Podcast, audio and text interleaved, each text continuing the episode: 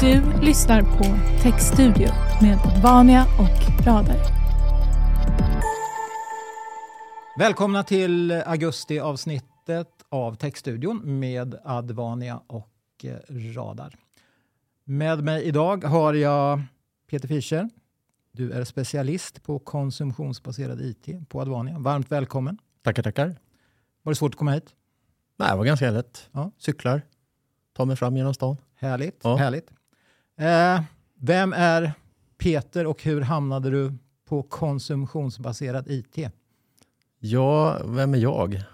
50-plussare, har jobbat inom eh, IT-försäljning kan man väl säga sedan typ millenniumskiftet ungefär. I olika konstellationer eh, inom kanalen som vi brukar kalla den då, då eh, där vi har återförsäljare, distributörer, leverantörer, tillverkare. Eh, jag har drivits av teknikintresse kan man väl säga och har väl gått mer åt det tekniska under åren. Mm. Eh, Advania har väl jag sett som en, en, eh, en bra partner i, i kanalen och jag har väl dragits lite grann åt att börja jobba där. Mm. Och så blev det för snart fyra år sedan. Eh, så där har jag hamnat inom eh, affärsområdet datacenter och jobbar då med leverans eh, till våra kunder. Och, eh, man kan väl säga att under de senare åren har det här med konsumtionsbaserad IT blivit mer intressant. Mm. Eh, och moln, de publika, har varit den stora dragkraften kan man väl säga och eh, förändringskraften skulle jag vilja säga. Så du har egentligen flyttat närmare slutkund, slutanvändare av, av det ni har jobbat med eller det du har jobbat med sedan tidigare. Ja, det är väl en utmaning kan man väl säga att hamna rätt i organisationen när man, när man eh, kommer till kund. Ehm, att träffa rätt individer eh, som drivs av att förenkla och kanske förbättra sin IT-konsumtion kan man väl säga. Ehm, Men det är där det händer, det är där värdet skapas. Jo, men så är det ju. Och det är väl ofta så man eh, försöker vinkla försäljningsbudskapen idag. Eh, hur kan vi underlätta affärsdrivet Ja, och eh, ja. ja, förändringstakten Mm. i affären? Snarare än att det är IT som ska ha en ny plattform bara för att det har gått fem år. Mm. Så är det. Ja, men kul resa. Ja. Konsumtionsbaserad IT, eh, det är ju ett begrepp. Eh, det Mm. kanske definieras lite olika av, av olika människor. Vad, Mm. eh, vad ligger i begreppet konsumtionsbaserad IT i din värld? Ja, I min värld så handlar det om att betala för det du faktiskt använder. Ehm, den traditionella ITn köps ju normalt sett med en budget och sen så tar man sikte på att det ska räcka en viss tid. Ehm, och det är inte alltid det är rätt, kan man väl säga. Ehm, det här med de publika molnen har ju medgett att man kan ja, pö om pö fylla på med vad man faktiskt förbrukar och använder. Eh, Men de passar ju inte alla kunder kan man väl säga. Eh, Och därför börjar man ju mer se att det här måste ju kunna levereras även då on-prem. Mm. Och det är där vi ser den här modellen mer då utkristalliseras kan man väl säga. Eh, leverantörer har börjat erbjuda det här utifrån sina portföljer. Precis. Ja. Men betyder det här att konsumtionsbaserad IT är en ny typ av leveransmodell eller är det en konsumtionsbaserad affärsmodell eller är det en kombination av Det är båda? nog en kombination skulle jag vilja påstå. Eh, Det är ju så att affärsmodellen måste ju så att säga, sys om lite grann. Kostymen måste anpassas lite grann till hur man, hur man eh, gör affären kan man Mm, väl säga. mm. Samtidigt som leveransen blir ju lite annorlunda. För det är ju inte så att du, du gör en affärsmodell som ska liksom levereras för fem år om du sätter ett kontrakt på fem år.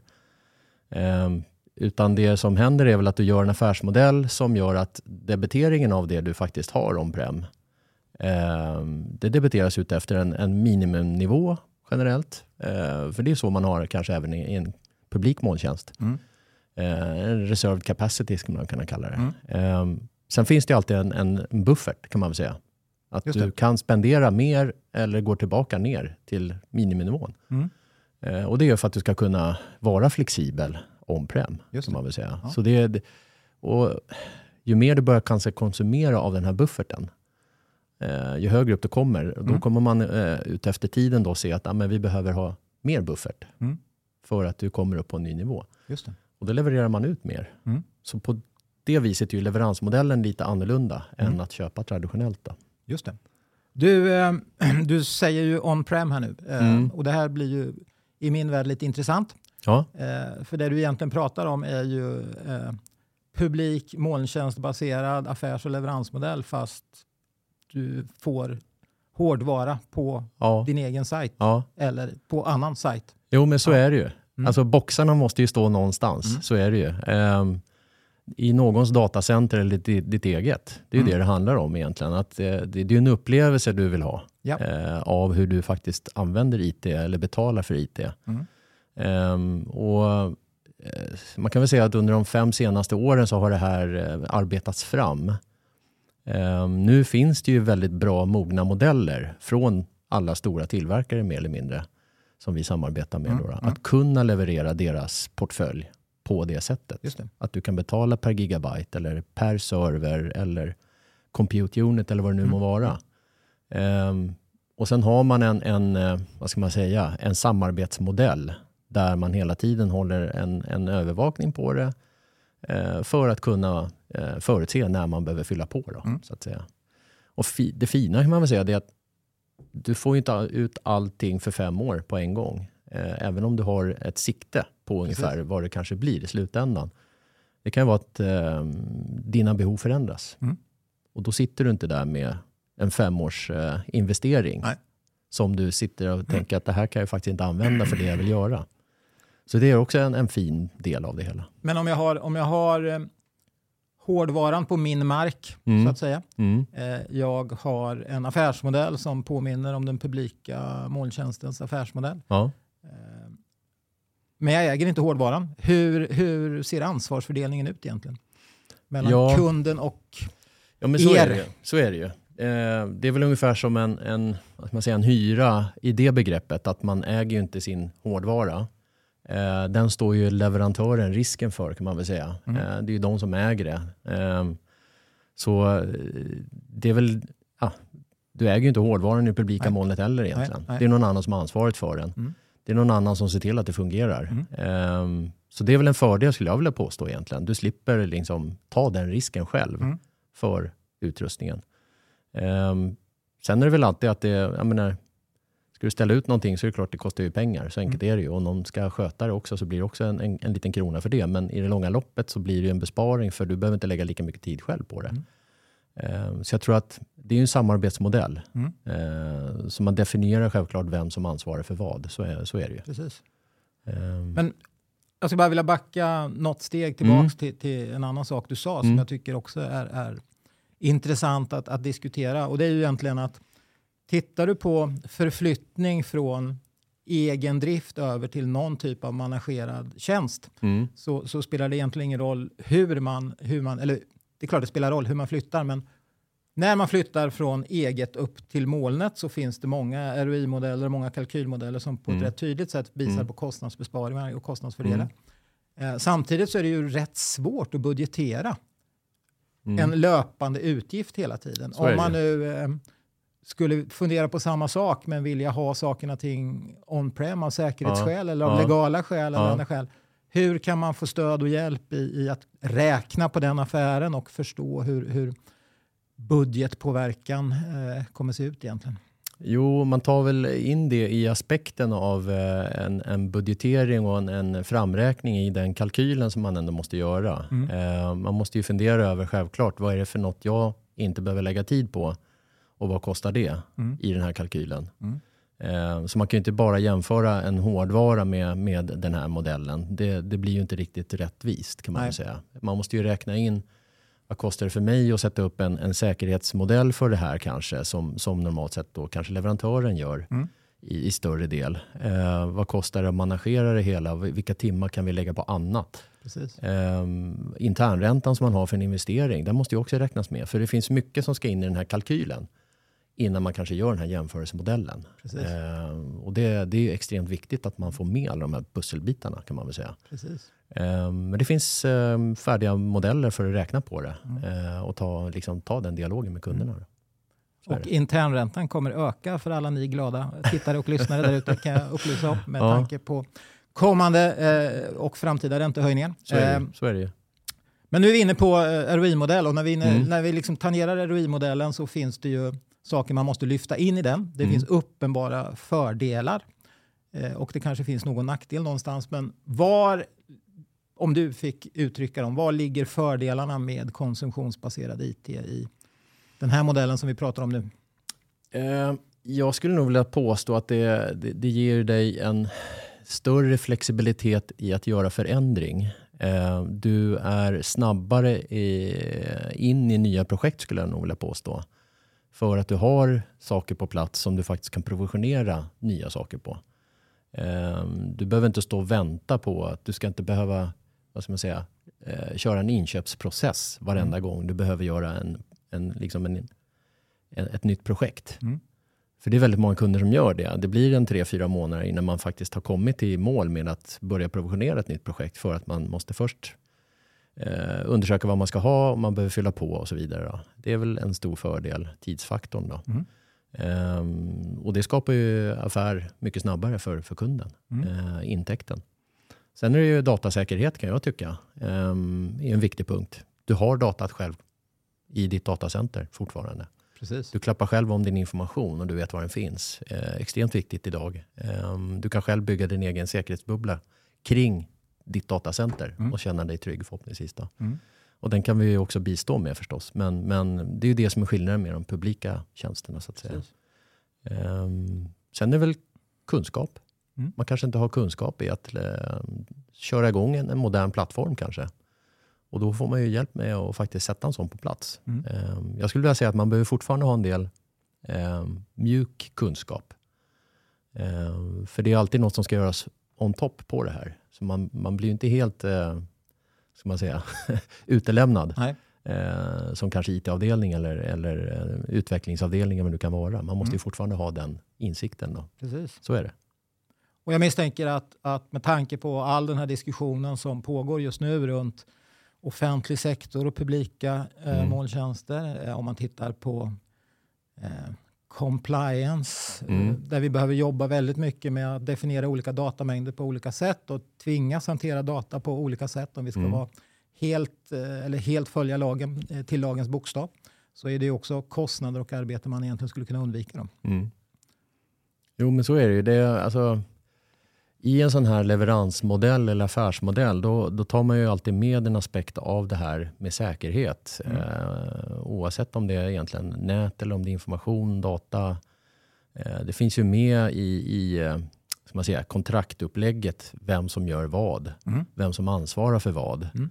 Vad man som kund fortfarande måste ändå ansvara för eh, är ju förtydligat i, i upplägget. Precis. Eh, så det är ju liksom inget, man, släpp, man släpper ju inte allting ifrån sig. Nej. Så enkelt är det ju. Eh, och att efterfölja lagar och regler som finns, eh, de finns ju fortfarande kvar. Mm. Sen kan det ju vara så att leverantören och vi som leverantör kanske ansvarar mer för viss del i en sån här tjänst då förstås. Mm. och se till att rapportera om det skulle uppstå incidenter och vad det nu kan vara. Mm. Det ligger ju mer på, på mm. oss. Då. Ehm, men som kund så slipper man ju lite mer av risken att hantera det här eh, och verkligen säkerställa det hela. Mm. Eh, det ligger ju på en leverantör i det precis, fallet. Precis. Och, och, hjälpa till och hålla kollen. Ehm, så det, det, jag skulle nog vilja påstå att eh, säkerhetsbitarna kommer sig lite grann naturligt för alla måste ju efterleva dem mm. på ett eller annat sätt. Mm. Vi som leverantör inom datacenter och, och, och tjänster, vi måste ju också följa med i det här. Mm. Eh, så det ligger mycket på oss också. Precis. Så är det. Jag ska se om man kan trigga det lite nu. Ja. Eh, om du blir arg.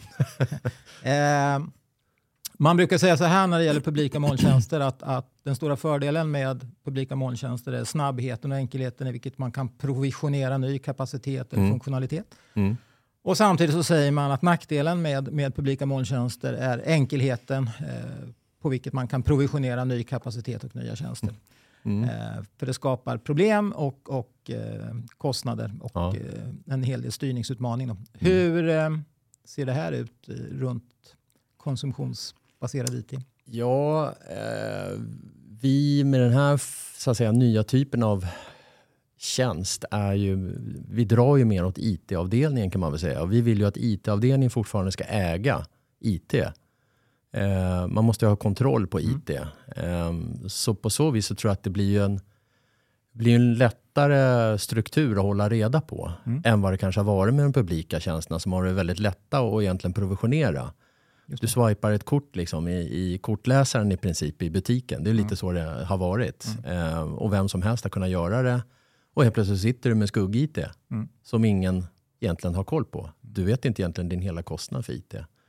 Det här vill man ju absolut komma ifrån eh, och det har man jobbat stenhårt med inom IT-avdelningarna tror jag under många år nu. Eh, och det här hjälper nog till. Så egentligen enklare att managera, enklare att styra, Ja. en, Ja. enklare att, Ja, att det blir ju mer eh, att du kan fortfarande förhoppningsvis erbjuda det som efterfrågas. Mm.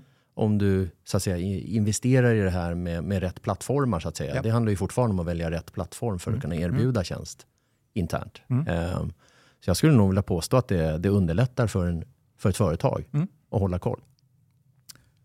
Och vi kan ju inte prata IT utan att prata säkerhet eller cybersäkerhet. Hur, hur eh, ser cybersäkerhetsaspekten ut?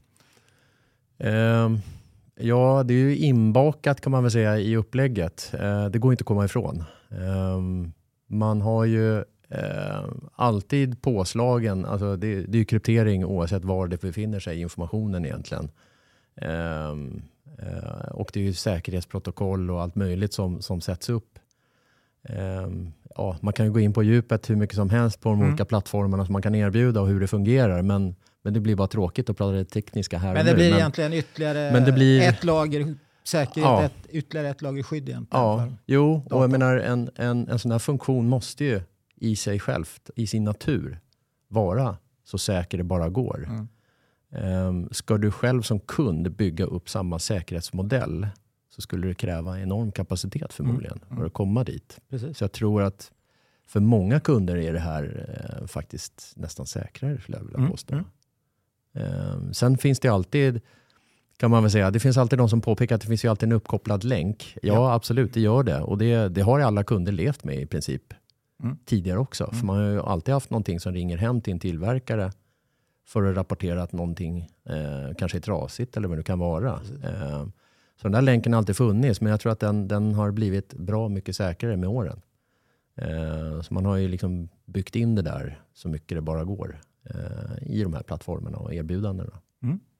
Eh, så jag tror att man, eh, man måste fortfarande tänka zero trust Mm. och det är det man jobbar efter. Mm. Eh, så det, är- det är inget som bara försvinner. Nej.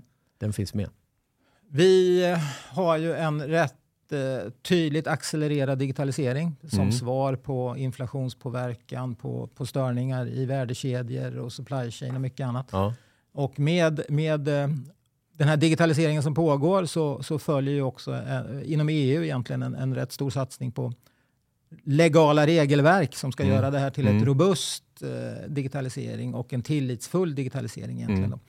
Och eh, AI-lagstiftning eh, på väg fram eh, Mm. diskuteras och, och föreslås just nu medan vi pratar. Eh, vi har också en, en eh, kommande NIS 2-lagstiftning. Mm.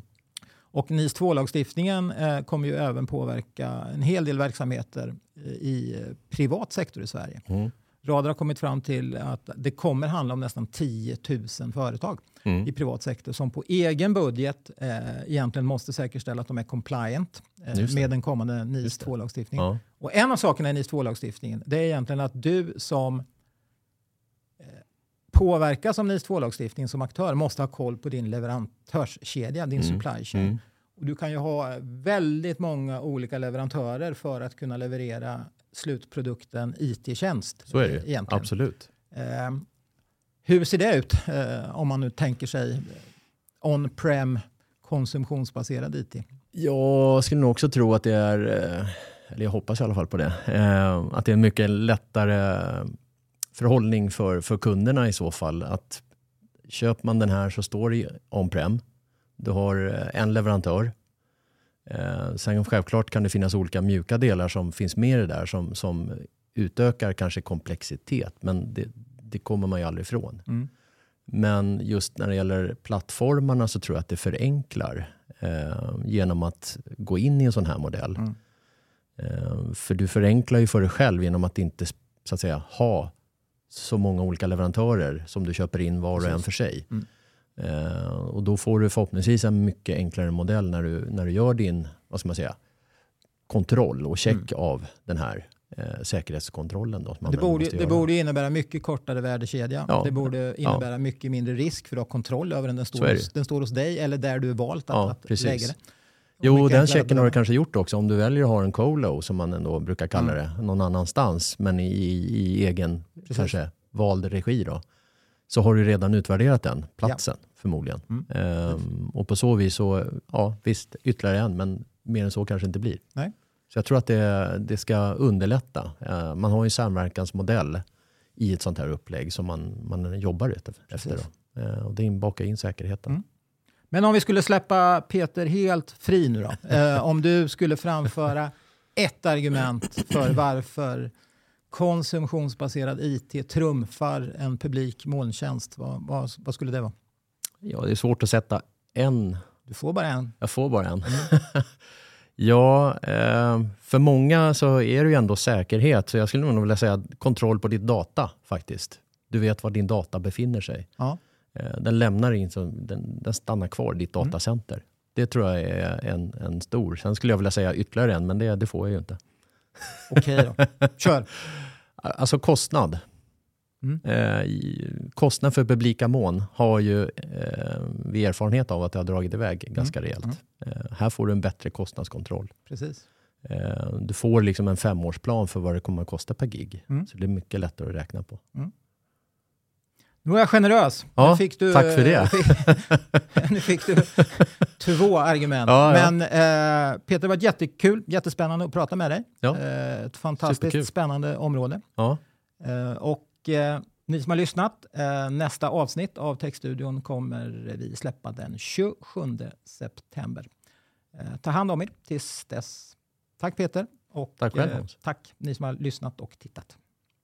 tackar. thank you